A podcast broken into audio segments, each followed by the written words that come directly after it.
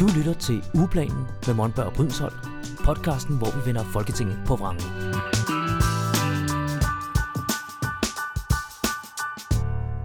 Hej derude, velkommen til endnu et afsnit, som er lidt specielt i dag. Men øh, jeg hedder i hvert fald Michael Monberg, jeg er dyrerettighedsordfører i Alternativet, og vi har også... Helene Lillendal Budensholt, og jeg er flygtning- og integrationsordfører i Alternativet. Og så har vi en ekstra gæst med i dag, som øh, du kan også få lov til at øh, præsentere dig selv. Ja, jeg hedder Niklas Hackmann. Jeg er vores uddannelses- og undervisningsordfører. Og det har vi simpelthen, fordi det her det er vores første special nogensinde. I, I sidste afsnit, der snakkede vi jo om det frie gymnasievalg, og det her borgerforslag, der hedder op og vende, og lovgivningen, der lå bag. Og så tog du fat i os, Niklas. Ja, det er jo et, et super vigtigt emne, øh, og hvor der er blevet lavet, øh, især gymnasieelevfordelingen, er blevet lavet rigtig meget spin. Ja. Øh, så jeg synes, det kunne være fedt, hvis vi kunne gå lidt mere i, i dybden med det. Og det har vi simpelthen valgt at dedikere et helt, en hel episode til. Lige præcis til uddannelse, og også lidt om SU skal vi komme ind på, for der er, øh, der er afstemning i Folketingssalen i den her uge, Lige hvor det er, man skal stemme om, om noget om SU. Så den kommer vi også til at runde sidst i afsnittet. Men vi lægger ud med dig, Niklas, for som Michael sagde, du skrev til os og sagde, det her det kan vi godt gå lidt mere i dybden med. Øh, vi, vi, vi, vi snakkede lidt om, øh, at, at grunden til, at man vil lave de her nye regler med at fordele de unge på gymnasierne, efter forældrenes indkomst, der også var noget integration indover, så sagde du, at der er faktisk meget mere en integration indover, og det var i hvert fald ikke derfor, at vi stemte for i Alternativet. Ja, præcis. For man har nemlig kørt over på at handle om integration, hvilket jeg tror bare er for at fiske vælgere ud af det. Hmm. Øhm, for det bunder egentlig i en lang historie om gymnasier, der er lukket, hmm. særligt i København og i Aarhus. Øh, og det er fordi, man har nogle udsatte grupper, øh, udsatte unge mennesker, øh, som hovedsageligt er anden etnisk herkomst, men det er ikke det centrale her. Det er faktisk mere, at de har en større tendens til at droppe ud i uddannelsessystemet. Okay. Og det er jo fair nok. Det kan der være rigtig mange grunde til. Øh, men det gør, at hvis et gymnasie hovedsageligt har elever, der er udsat, så bliver økonomien ret usikker. Mm. For så kan der være mange, der dropper ud undervejs.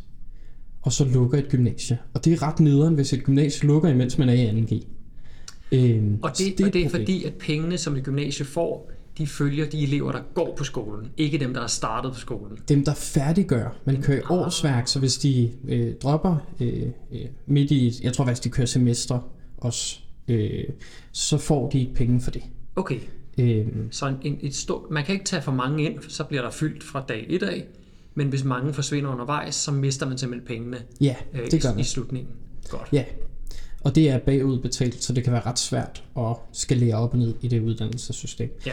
Øh, men de her beslutninger om, hvordan man fordelte elever før, har jo ligget ved regionerne. Mm-hmm. Øh, og det bringer også en ret interessant point op, som har gjort, at det er kommet op på national plan. Øh, for vi hører jo ikke særlig meget fra regionerne. Altså, de færreste mennesker kan nævne deres regionsrådsformand. Jeg kan i hvert fald ikke. Kan I? Nej, jeg kender Nej. en, der sidder, fordi det tilfældigvis er borgmesteren i min egen kommune. øh, og det er, jo et, altså, det er jo sådan et demokratisk problem i virkeligheden, hvor vores værdier også lidt øh, clasher. Fordi vi vil gerne have, at flere bliver en del af demokratiet, flere får magt, mm-hmm. øh, flere ved mere osv. Ikke? Og vi vil også gerne have mere gennemsigtighed, men jo flere borgere der ligesom er, jo mere er der at holde styr på, så bliver gennemsigtigheden sværere. Ja. Øhm, så den er råd herop. Og alle vidste fra starten af, at det her det bliver en lortesag lige meget hvad vi beslutter, så bliver folk sure. Øhm, og det er også derfor, det her egentlig også ligger... Altså, grunden til, at vi stemmer for, er en, en lang række ting, men en af de grundtanker for mig, det er, at jeg har en vision om, at Alternativet øh, kommer til at tage meget ansvar politisk. Mm. At vi også tager nogle af de der lortesager og siger, ved I hvad, det her det bliver dårligt publicity, ja. men det er vigtigt for vores samfundsudvikling. Og det er det her på grund af den udvikling. Så er der så delen med øh, frit elevvalg. Ja, og det, det er jo der, hvor den ligesom øh, blev blæst op i medierne. Det var der, hvor særligt Venstre begyndte at, at køre en masse spin på det. Og det var der, ja. hvor der kom det her øh, borgerforslag efterfølgende, som hed, vi vil stadig have frit gymnasievalg. Og det er, jeg synes, det er så grinerende et spin, mm-hmm. fordi i selve den aftale, der blev lavet, der står der frit gymnasievalg hele vejen igennem. Og nu bliver det brugt mod dem. Mm. Øhm, men der var ikke frit gymnasievalg før, det er der heller ikke nu. Det er nogle andre nøgler, man fordeler efter nu ja. end før. Ja. Før der var de valgt i de forskellige regioner. Nu bliver det så nationalt. Øh, at man har lavet to typer nøgler. Og lad os lige genbesøge den der med frit gymnasievalg. Det er jo noget, alle tror, vi har. Ja. Men det vi har, det er i virkeligheden, at vi kan frit ansøge alle gymnasier. Ja, Vi er, bare ikke eller vi er jo ikke garanteret, at vi får vores første, anden eller tredje prioritet. Det er Ja, noget med, præcis. at 90% får deres første prioritet. ja lige der omkring. Ja. Og, øh, Og, og derfor har vi fornemmelsen af, at det er frit gymnasievalg. Ja, jeg, jeg valgte det her som nummer et. Hey, jeg fik det. Ligesom 9 ud af 10 af mine kammerater. ja, Men der var nogen, der ikke fik det. Og Det var- så var det ikke frit jo. nej. Øh, og det, der er sjovt at se, det er, at vi fik, øh, vi fik regeringen til at, eller øh, ministeriet til at regne på, hvilken effekt det ville have for 2021-dataen, altså dem, der havde søgt ind i 2021, øh, øh, hvis man havde det nye system Mhm. at fordele efter. Og vi fandt ud af, at det var et par procentpoint flere, der fik deres første prioritet. Okay. Så der er flere, der får deres første prioritet med det nye system end med det gamle. Så man kunne argumentere Så- for et friere gymnasievalg Det er et friere gymnasievalg, Okay. men det er på så lidt, ja. At det er fra til at lige det år og det andet år, eller sådan, ikke? Ja, jeg kunne, se, jeg kunne se det papir, du sendte netop med de her statistikker. Der står, at det er be- behæftet med stor øh, usikkerhed. Mm, Så, det er det. så Og det er Men- noget, der er rigtig svært at at regne med. Mine kammerater er faktisk i gang med at lave et system for, hvordan de skal fordele de her elever. øh, Okay. øh, teknisk, altså sådan et EDB-system. ja, ja. Men, men man, vi kan i hvert fald sige, at det skyder nogenlunde inden for målskiven, Det bliver som, som det var det samme nok. Ja. Dog synes jeg, der var en ting, der sådan gik igen i de tal, du, du, sendte, du fremsendte, og det er, at øh, rejsetiden bliver mindre. Ja, øh, og det er jo også en af de målsætninger, der har været i forslaget. For Mhm. der kører to nøgler. Der er den, som bliver snakket om rigtig meget i, i storbyerne, Ja. øh, hvor man kører på indkomst, forældres indkomst. Og det er fordi, det er den billigste måde at sige, om nogen er udsat. Mm. Altså ellers så skal man ind og individuelt vurdere, at det koster rigtig meget. Mm. Øhm, så er der den anden nøgle, som er for resten af landet, og der kører man på transporttid. Før kørte man hovedsageligt på transportafstand. Mm. Og det er sådan noget, der skifter lidt øh, gennem årene, mm-hmm. frem og tilbage mellem de to. Øh, og det har så været et mål her, at det er transporttiden, der falder. Okay. Spændende. Så alternativet stemte det primært for, fordi at det, øh, det ikke skal gå ud over de øh, gymnasierne, at de, de er nødt til at lukke, eller deres økonomi bliver ramt, hvis øh, for mange dropper ud. Fordi de, Og, ja, og de elever, der går på de gymnasier, at de ikke øh, mister det.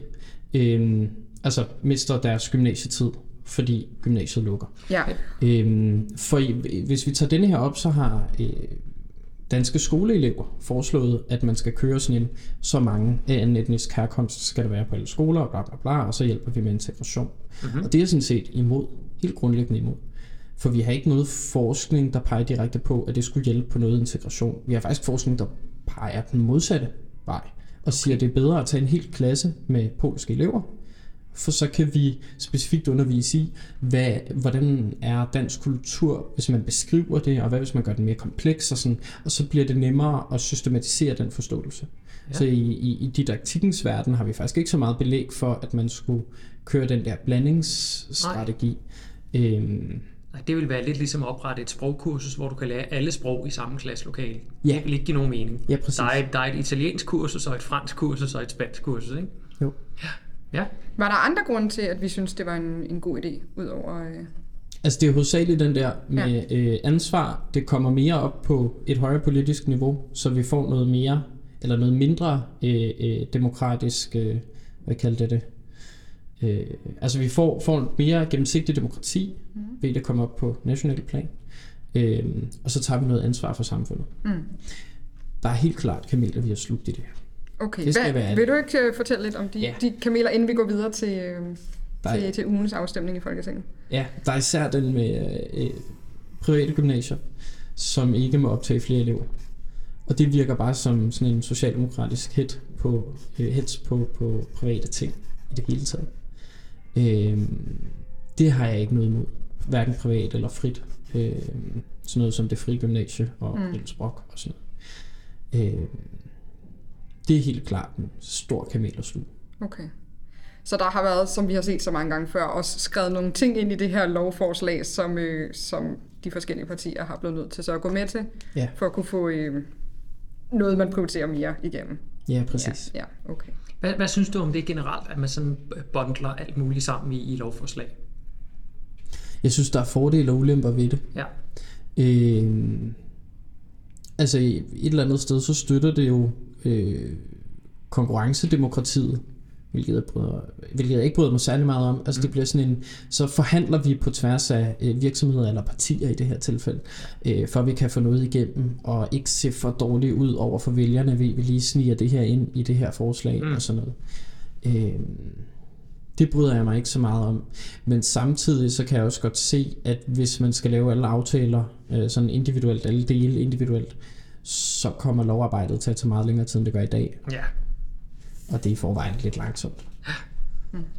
Øhm, så hvis vi lige skal runde, runde af på den her, så kan man sige, at øh, det som den her lov her, den skal hjælpe med, det er altså at fordele elever bedre, sådan så øh, drop-out, hvad kalder man det? Øh, Ja, frafald. frafaldet, det bliver jævnt fordelt på flere gymnasier. Ja. Og på den måde, så vil der være færre gymnasier, der går, øh, der går konkurs undervejs, og dermed så kan man være mere sikker på, at der ligger et gymnasie i nærheden, Ja. så man netop ikke skal ud på de der lange transportstykker.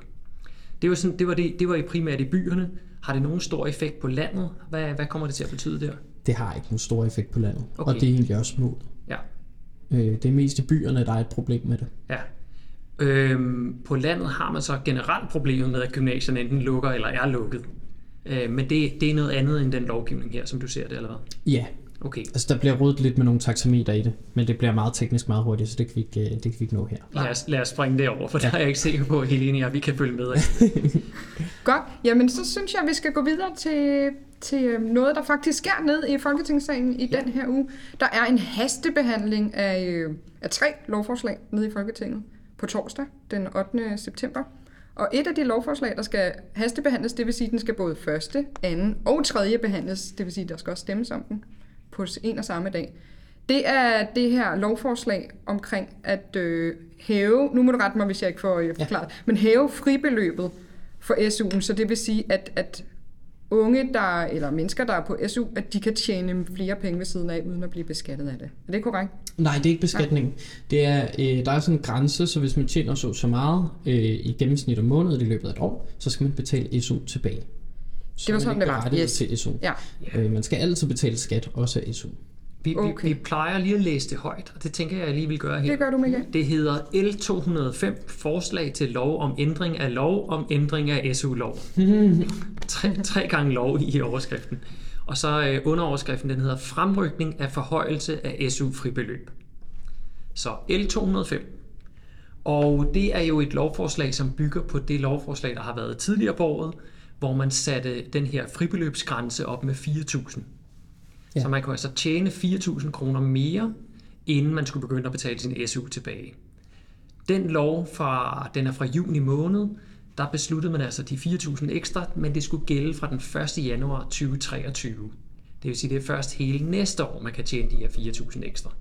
Men der har været lidt udfordringer. Ja, der er jo øh, stigende elpriser, inflation og alt muligt andet, der kan skabe nogle problemer.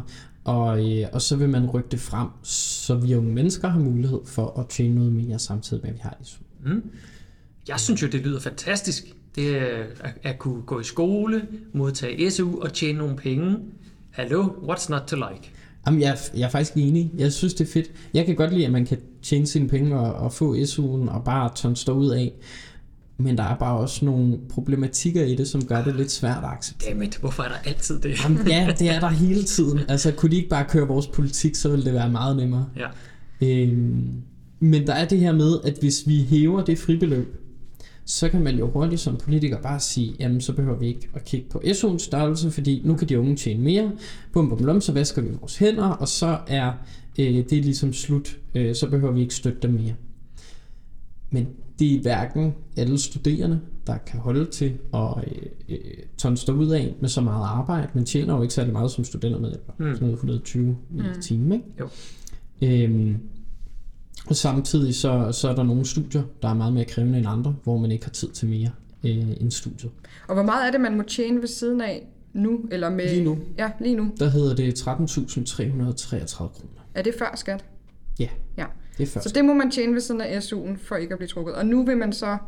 Hvis det er bliver stemt gennemsnit, skal Det er det gennemsnit. Ja, der er nogle alle mulige om, hvis man så er enig. det er hele året, så man ja. kan godt ligesom tjene, hvis man Nå. kan tjene penge i sommerferien, så er det også fint. Ellers- Må man tjene, er der, er der forskel på, hvis man for eksempel er enlig forsørger, eller er der nogle forskellige satser der? Der får man noget mere i SU, når Ja, man har børn det bare og det. sådan noget. Der er, der er noget støtte der. Okay, men 13.000 cirka i gennemsnit, og nu øh, vil man hæve det til øh, Ja, det er jo så 4.000 mere, så ja, det må så være... 17.000 cirka, ikke? Ja. Ved siden af. Ja, Ja. præcis.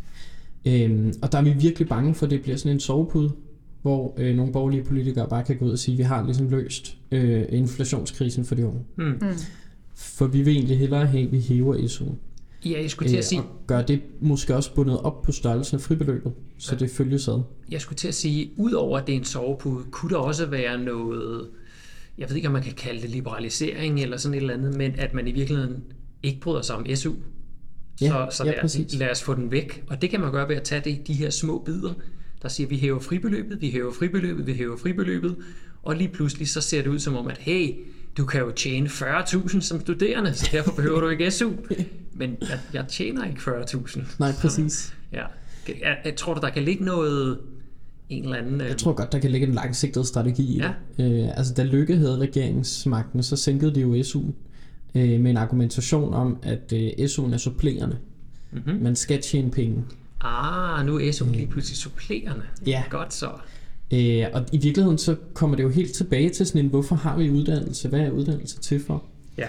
Øhm, og der handler det jo lidt om, hvilke øjne man har. Jeg tror, hvis man tænker meget konkurrencestat, øhm, og hvis vi prøver ligesom at tage, tage den kasket på, så kan det være en tanke om, at jo mere erfaring du har, jo nemmere har du, når du kommer ud på arbejdsmarkedet. Men spørgsmålet er, om det er en god langsigtet strategi for det. Altså er det i virkeligheden bedre at lære mere fra uddannelsen og komme igennem med det på det? Altså at øh, være klogere på en eller anden Mm. lang sigt? Øh, eller er det øh, at have noget erfaring fra en eller anden café? Mm. For Ja. det er jo langt hen ad vejen, den slags arbejde, man ender i. Ja. Ja. ja, ja, der er de heldige, der får et studierelevant job, men det er jo de færreste. Ja, præcis. En uddannelse burde jo som udgangspunkt være fuldtidsarbejde, ikke? Ja, Er ellers det- får man ikke SU. Nej, det er det. Så, så en uddannelse er jo 37 timer om ugen, Ja, som minimum. ofte lidt mere, fordi man har en længere sommerferie. Øh, min er normeret til 42. som jeg Okay. Og så er der så en sommerferie. Ja. Også. Ja. Kan der også ligge noget i, at øh, vi ma- mangler arbejdskraft lige nu? Og det her det er en super god måde at få noget ekstra arbejdskraft på i, i svære tider. E- Ekstra og billig arbejdskraft. Og billig Og arbejdskraft. billigere. Og, Ja. ja. ja. Øhm, det kunne der nok godt være en tanke i. Men så spørgsmålet om det ligesom, altså er det sådan en lappeløsning, vi skal gå efter? Er det det, der ligesom bliver bedst for vores økonomi på lang sigt? Eller kommer det til at få folk til at sidde fast i nogle jobs, der giver en lavere løn, end hvis de færdiggør uddannelsen? Ja. Altså kommer det også til at være en, jeg har lyst til at sige en sovepude for den studerende? At man så, jamen, hvis jeg alligevel skal tjene pengene, hvorfor gør jeg så ikke bare ud og lave det arbejde? Altså, Mm. jeg kan jo sige, nu er jeg ved at blive lærer. Øh, som sælger var jeg oppe på cirka samme løn, som jeg ender med som, som lærer, ikke? Øh, og det kunne jeg tjene nu, i stedet for at sidde med 6.000 om måneden. Ja, ja. Øhm, og det er der måske også nogle problematikker i, om vi ligesom får gelejtet folk i den retning, for vi har jo en generel strategi som samfund med at vide meget, at være Mm. kloge på ting, udvikle ting og den slags. Men kommer det til at ske, hvis folk kommer til at fokusere mere på at have et job samtidig, ligesom vi ser det i mange andre lande, der netop ikke øh, fokuserer på det her? Ja. Øhm, Hmm. så der er mange sådan, Der er mange ting i det, ja. ja, Og men grundlæggende så er jeg jo, altså jeg vil sige, at jeg er i den, den blå ende af alternativet. Altså, Mhm. jeg, jeg vil egentlig godt kunne lide, at vi fjernede sådan et fribeløb. Men, men jeg kan godt se, der er også sådan et, der er et problemat- problematik i, at det både bliver sådan en sovepude for sådan en, så, så behøver vi ikke have SU'en, så folk bliver godt uddannet, øh, men samtidig også sådan en stressfaktor, altså vi har et stort mentalt mistrivsel, og kommer det til at være endnu en stressting, og sådan, så tjener jeg ikke nok, for jeg får ikke nok på pensionen, eller whatever, og, Mm. Jeg, jeg skal lige forstå, når du siger fjerne fribeløbet, altså så, så, man, op. så, Så man må så, så kan man tjene bare tjene, hvad man har lyst til. Ja. ja. Fordi så kommer vi ikke til at gå og tænke på det på samme måde, tror jeg. Mm. Men jeg er... Hvor, hvor meget energi bruger en studerende på det her med fribeløb og snakke med sin arbejdsgiver, og hov, jeg tjente lidt ekstra den her måned, så nu må vi lige finde ud af, næste måned skal jeg tjene noget mindre, og altså, hvor meget energi går der på det? Jeg tror, det kommer an på, hvilke grupper man går i. Ja. Øh, jeg har jo selv gået på Niels Brock, mm-hmm. så jeg har, jeg har mange af sådan nogle, der kan lide at tjene mange penge i, Ja. i min vennegruppe. Øhm, og der er mange af dem, der sigter meget benhårdt efter det, har aftaler med deres arbejdsgiver om, at de kun må give lige præcis det beløb Ja. i løn, og resten skal være pension, for så tæller det ikke med. Ah, Og så kan man ligesom snyde det igen. ja. Så, der, så der bliver også spekuleret rigtig meget i det her. Ja, det gør der. Og nu ved jeg ikke, hvor meget tid det er, og hvor meget, hvor meget krudt det er. Men det er jo i virkeligheden tid, der så går fra, fra studierne. Ja, det er det. Det er jo altså alt det arbejde, vi laver som økonomisk studiet gør, det er tid fra studiet. Ja.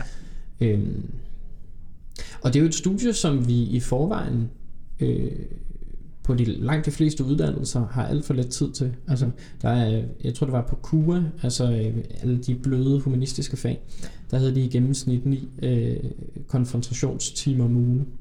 Det vil sige ni timer, hvor der var en lærer. Mm. Ud af de, som du siger, 42, som du er Ja, normeret så til. noget, den tror jeg. Okay, men man, man, altså, man må jo også gerne læse en bog og, og, Ja, ja. og, og, og læse lidt online og sådan noget der. Helt sikkert. Så, så er, det, er, det, er det for lavt et tal? Ja, før i tiden var det jo meget højere. Okay. Øhm, og det gør, at man ikke kan tjekke den viden, man får så ofte. Mm. Nu er jeg jo ved at læse til lærer, Ja. øh, og så er det jo meget didaktik og læringsprocesser, vi snakker om, og der er en rigtig stor del af det, det er at tage fejl. Okay. Noget, noget af det vigtigste i læring, det er at tage fejl. Det, og det er derfor, du er så god på studiet, eller hvad? Ja, ja, præcis. Øh, og i politik, nej. Grunden til, at jeg har så mange dumme spørgsmål, det er, fordi jeg har ikke selv hverken gået i gymnasiet eller på, øh, på universitetet. Så jeg ved intet om hele den verden der. Okay, Øh, og det er derfor, jeg er meget interesseret. Jeg har været så heldig, at øh, IT-verdenen, da jeg startede i den, der skulle man bare kunne taste nogle linjer kode, og så kunne man blive til hvad som helst. Og det blev jeg så til. Øh, men har så Du blev til hvad som helst. Ja, ja, og, og sprang så studierne over. Ja. Øhm, så, så jeg synes, det er rigtig, rigtig spændende at høre noget om det her. Hvor, hvor, hvor stor forskel er der på din studietid, Helene, kontra øh, Niklas, og så kontra dem, der starter op nu? Hvor meget er der sket i årene? Ja, det, altså jeg, det er jo er det syv år siden, jeg blev færdig på, øh, på universitetet, øh, hvor jeg læste antropologi. Det minder meget om det, du lige sagde der med KUA. Vi havde måske 8-9 timer, med 8 timer om ugen måske med en lærer. Ja. Og så resten af tiden, det var bare derhjemme med hovedet i bøgerne, og så var der selvfølgelig også nogle læsegrupper og studiegrupper og, og sådan lidt, Ja. hvis, man, øh, hvis man var god til det. Jeg tænkte aldrig på fribeløbet. Jeg anede ikke, at det eksisterede. Øh, det var slet ikke noget, jeg gik op i. Jeg havde et øh, lille sidearbejde i en børnehave, og det kom aldrig op i de beløb. Altså virkelig ikke. Og jeg levede bare, jeg spiste bare spejling og ærter til aftensmad hver dag. og det, det var fint, og så brugte jeg mine penge på, på øl og, og husleje. ikke? Jo. Sådan var det. Øh, så, så for mig, jeg tror at også, det, jeg, kan- jeg kan sagtens sætte mig ind i, at dem, der læser på Niels Brock og går op i at tjene mange penge ved siden af studiet, at de, de har helt styr på fribeløbet. Jeg tror også, selv, selvom det er nogle år siden, at jeg, jeg blev færdig på universitetet, så tror jeg også, der er rigtig mange, der ikke aner, hvad et fribeløb er. Jeg vidste jo faktisk ikke før i dag heller helt. Nej, men det er jo også, altså det skifter meget på læreruddannelsen, har vi snakket meget om det, mm. øh, for der får man en høj løn, hvis man får et studiefagligt arbejde. Så får man 210 eller 20 i timen Okay. øh, som vikar. Mhm. Øh, nu er der så, der er sådan en helt drama om det, fordi at øh, folk ikke dukker op, på, øh, dukker op til timerne, øh, og så prøver uddannelsesinstitutionerne øh, at strategi sig til, at folk de ikke får nogen job, der ligger i dagtimerne, så man ikke får et job som lærer og sådan noget. Mm. Men det er jo et problem med beskæftigelsen. Der mangler lærere, især på. Sjælland. Ja, ja, ja. Øh, så der er så mange dilemmaer i det. Det hele griber om sig. Ja. Og så vil jeg sige, da jeg var... Øh, da, jeg- da jeg studerede, der var huslejen altså også noget helt andet, ja. og energipriserne og, øh, og så videre, end, end det er i dag. Jeg boede meget billigt i et kollektiv, og det, det gjorde de fleste af mine venner. Det var, ja. Husleje var ikke noget, man gik specielt meget op i, men det har jeg lagt mærke til, at det er de sene, faktisk årene efter jeg, jeg øh, blev, blev færdig, at, øh, at, det, at de bare er steget så meget, ikke? Huslejen. Du er heldig, hvis du får et værelse til 4-5.000. ja. Det er jo helt vanvittigt. Så det er svært at være studerende den dag i dag, så derfor kan jeg sagtens sætte mig ind i, at der er flere, der skal, der skal arbejde noget mere ved siden af. Og der vil jeg gerne lige berøre et emne, inden vi runder af, og det er studiegæld. Ja, Jeg har været så heldig at have haft to øh, partnere igennem mit liv. De havde begge to en relativt stor studiegæld. Øhm, og det er jo sådan noget, der bare følger en næsten resten af livet. Altså næsten resten af arbejdslivet. Ikke? Hvis den er over et par hundredtusind, jamen, så tager det djævlen med lang tid at betale af. Øhm, og det, jeg, jeg, puh, jeg er glad for, at jeg aldrig nogensinde har haft en studiegæld. Men hvad betyder de her regler for, for studielån gæld? der er stadig samme loft, Mm-hmm. øh, som det ligger nu. Men tror du, det kommer til at have en betydning for mængden af studielån og gæld, der bliver optaget? Altså jeg tror, at inflationen og elpriserne kommer til at have, eller varmepriserne kommer til at have en effekt på det. Ja. Øh, jeg tror ikke selve denne her aftale så skal det være, at den resulterer i en lavere SU, men det tror jeg ikke. Nej. Mm. Så det, det har ikke som sådan noget med, med, med sagen at gøre. Hvad med jer? Har I, øh, har I studiegæld? Jeg har faktisk det her måned, det er det første måned, jeg får penge fra et SU-lån. Okay. Øhm, fordi okay. jeg lige er stoppet på et arbejde, og ikke lige har fundet det næste. Okay, så det, men det er ikke, det er ikke sådan, at du bare helt, hver måned har spædet op med et lån? Jeg har taget to måneder, så det er 6.000. Okay, det er fornuftigt. Hvad med dig, Helene? Jeg har studiegæld. Ja, jeg betaler stadig, jeg, jeg tror, jeg er nede på noget 60-70.000 kroner, og min kone har endnu mere studiegæld end mig. Vi har ret meget studiegæld til sammen. Jeg havde været, jeg har taget lidt mindre end 100. Okay. Så det er, øh, ja. Så det, det tror jeg følger mange, men Ja. Det er forhåbentlig snart slut. Ja. Jeg tror Men jeg også, jeg synes- har været altså, ret heldig med at kunne komme med valpeøjnene til mine forældre. Ah, Og det er jo ikke alle, er der ikke kan alle. det. Nej, præcis. Nej. Så, men øh, altern- øh, skal vi lige lave en konklusion? Hvad kommer Alternativet til at stemme? Øh, vi kommer ikke til at stemme, fordi vi er clearet, så vi kommer ikke til at være i salen. Uh. Men hvis vi var der, så havde vi stemt nej. Okay. Nej til at hæve fribeløbet Ja. på SU'en. Med og, og skal, vi lige, skal vi lige tage det ord der, clearing? Hvad betyder det? Lynhurtigt. Ja. Skal jeg tage den? Ja. Det må du gerne. Øh, jamen det er jo sådan, at øh, vores folketingspolitikere, de sidder jo altså ikke nede i salen hele tiden, og hver gang den er åben, og hver gang der er debat. De er ude og besøge virksomheder, de uddanner sig, og de, de laver, der, og i øvrigt alle mulige udvalgsmøder, og hvad ved jeg. Så for at man kan få i gåsøjne fri fra salen, så har man lavet den ordning, der hedder clearing, hvor man kan lave en aftale med et andet parti af modsat holdning, at hvis de bliver clearet, så bliver vi også clearet. Så man sørger altså for, at, at magtbalancen er den samme. Så hvis der er nogen, der siger ja, der har brug for at være et andet sted, øh, så clearer man dem mod, at en, der siger nej, også er et andet sted. Øh, så det er altså det, clearingen går ud på. Og Thorsten Geil, han er clearet på torsdag, så han er ikke i salen, han kan ikke stemme.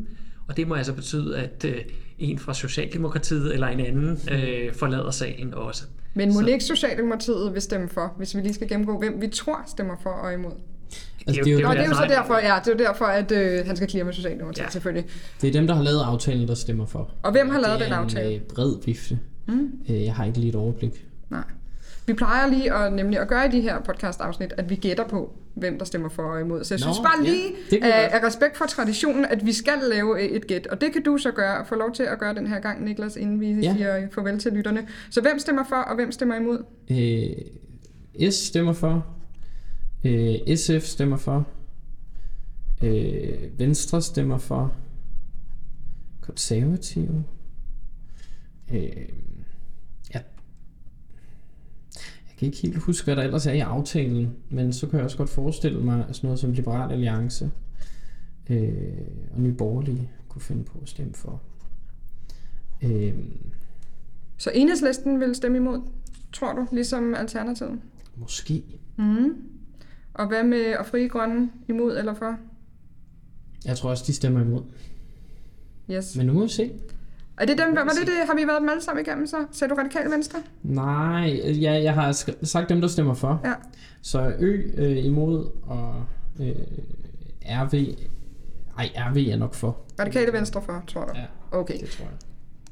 Vi, vi, vi følger op på det i næste uge. Vi tror, at Alternativet, Enhedslisten og Frie Grønne stemmer imod som de eneste partier. Det er simpelthen det. Det er ja. godt.